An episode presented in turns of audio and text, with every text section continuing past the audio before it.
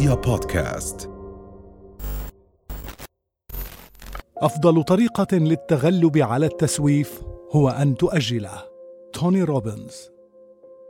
زمان كان أحد أسباب السعادة إنه يكون عندنا وظيفة بتكفي إنها تسدد فواتيرنا، ولكن اليوم إحنا تواقين لما أبعد، نريد الإنجاز والتحدي الخلاق، والشعور بإنه إحنا عايشين من أجل شيء يتعدى ذواتنا، مش بس نجاح ولكن تأثير عظيم ونجاحات تصنع فارق وبدون تأجيل. مشكلة التأجيل اللي بيعاني منها الكثير منا وهناك دوافع خفية وراء كل محاولة لتأجيل الشيء اللي بين ايدينا هل هذا التأجيل بسبب خوفي من الإخفاق أو هروب من مواجهة مشكلة ما أو أنه استسلام مبكر أمام تحدي أو عائق أو أمر محبط؟ التأجيل له حلول ومش معقدة. لو اتبعت بعض الخطط للقضاء على هذه المشكلة بسهولة بإمكانك أنك تضاعف وقتك أنك تنجز الأشياء اللي مش كتير مهمة ولكن مضطر أنك تعملها.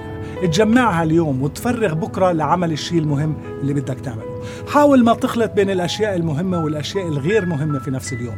هيك أنت بتكون بتضاعف اليوم اللي خصصته لعمل أمورك المهمة. الطريقة الثانية أنك تطلع على الأشياء اللي ماخذة كتير حيز من وقتك إذا بتقدر أنك تستبعدها من حياتك بيكون ممتاز. إذا مش قادر تستبعدها لسبب ما حاول أتمتة المهام المتكررة. أتمتة يعني تصير أوتوماتيكية.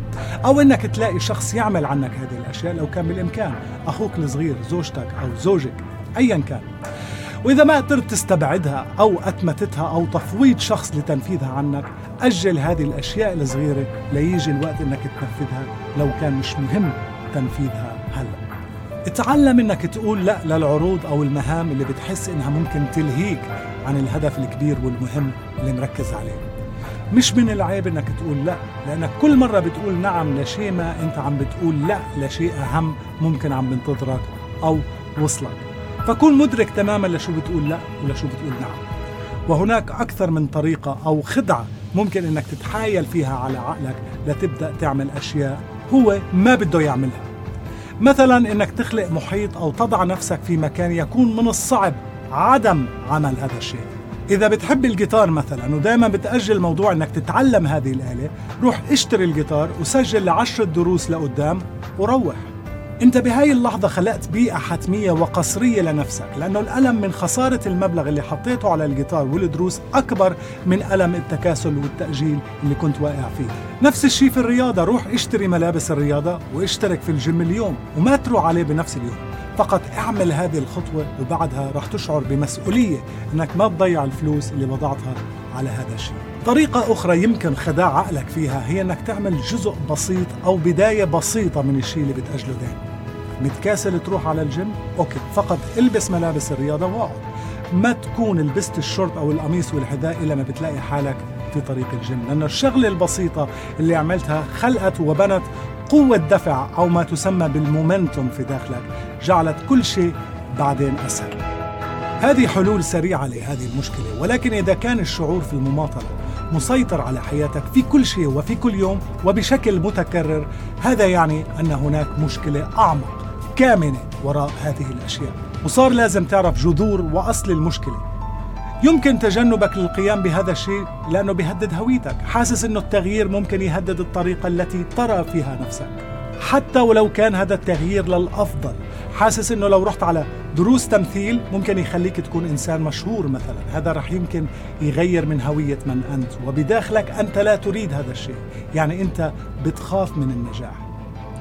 لأنه هذا النجاح قد يؤدي إلى سفر وأنت لا تريد ترك مكانك لأنه بيهدد هويتك أيضا.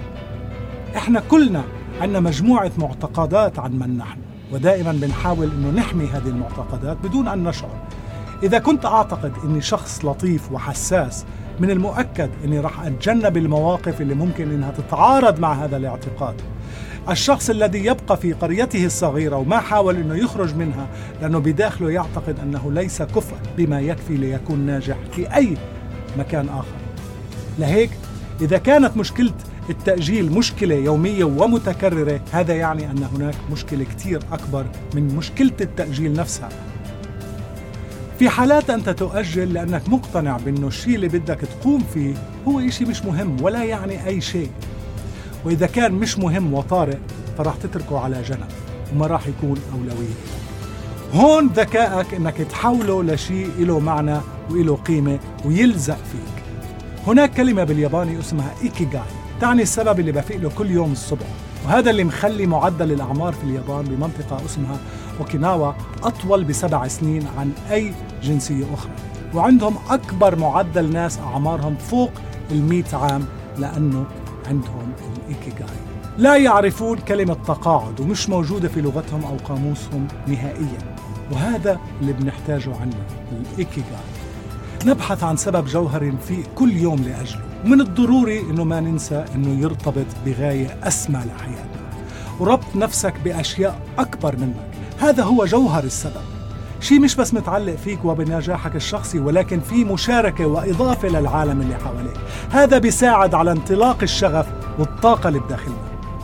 اتذكر أشخاص اكتشفوا قضية وهبوا كل حياتهم إلها من نيلسون مانديلا لغاندي ألبر أينشتاين وغيرهم وجدوا رسالة جذبت وسحرت قلوبهم وبمجرد أنك تتمكن من تنمية صلة عاطفية مع هذه الرسالة رح تتدفق الإثارة وتنفجر الطاقة اللي عندك.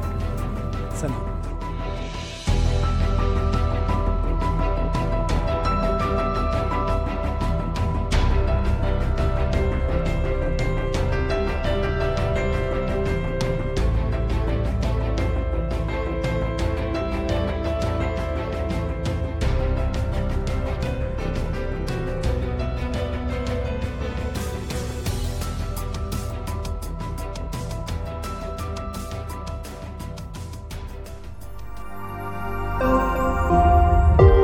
رؤيا بودكاست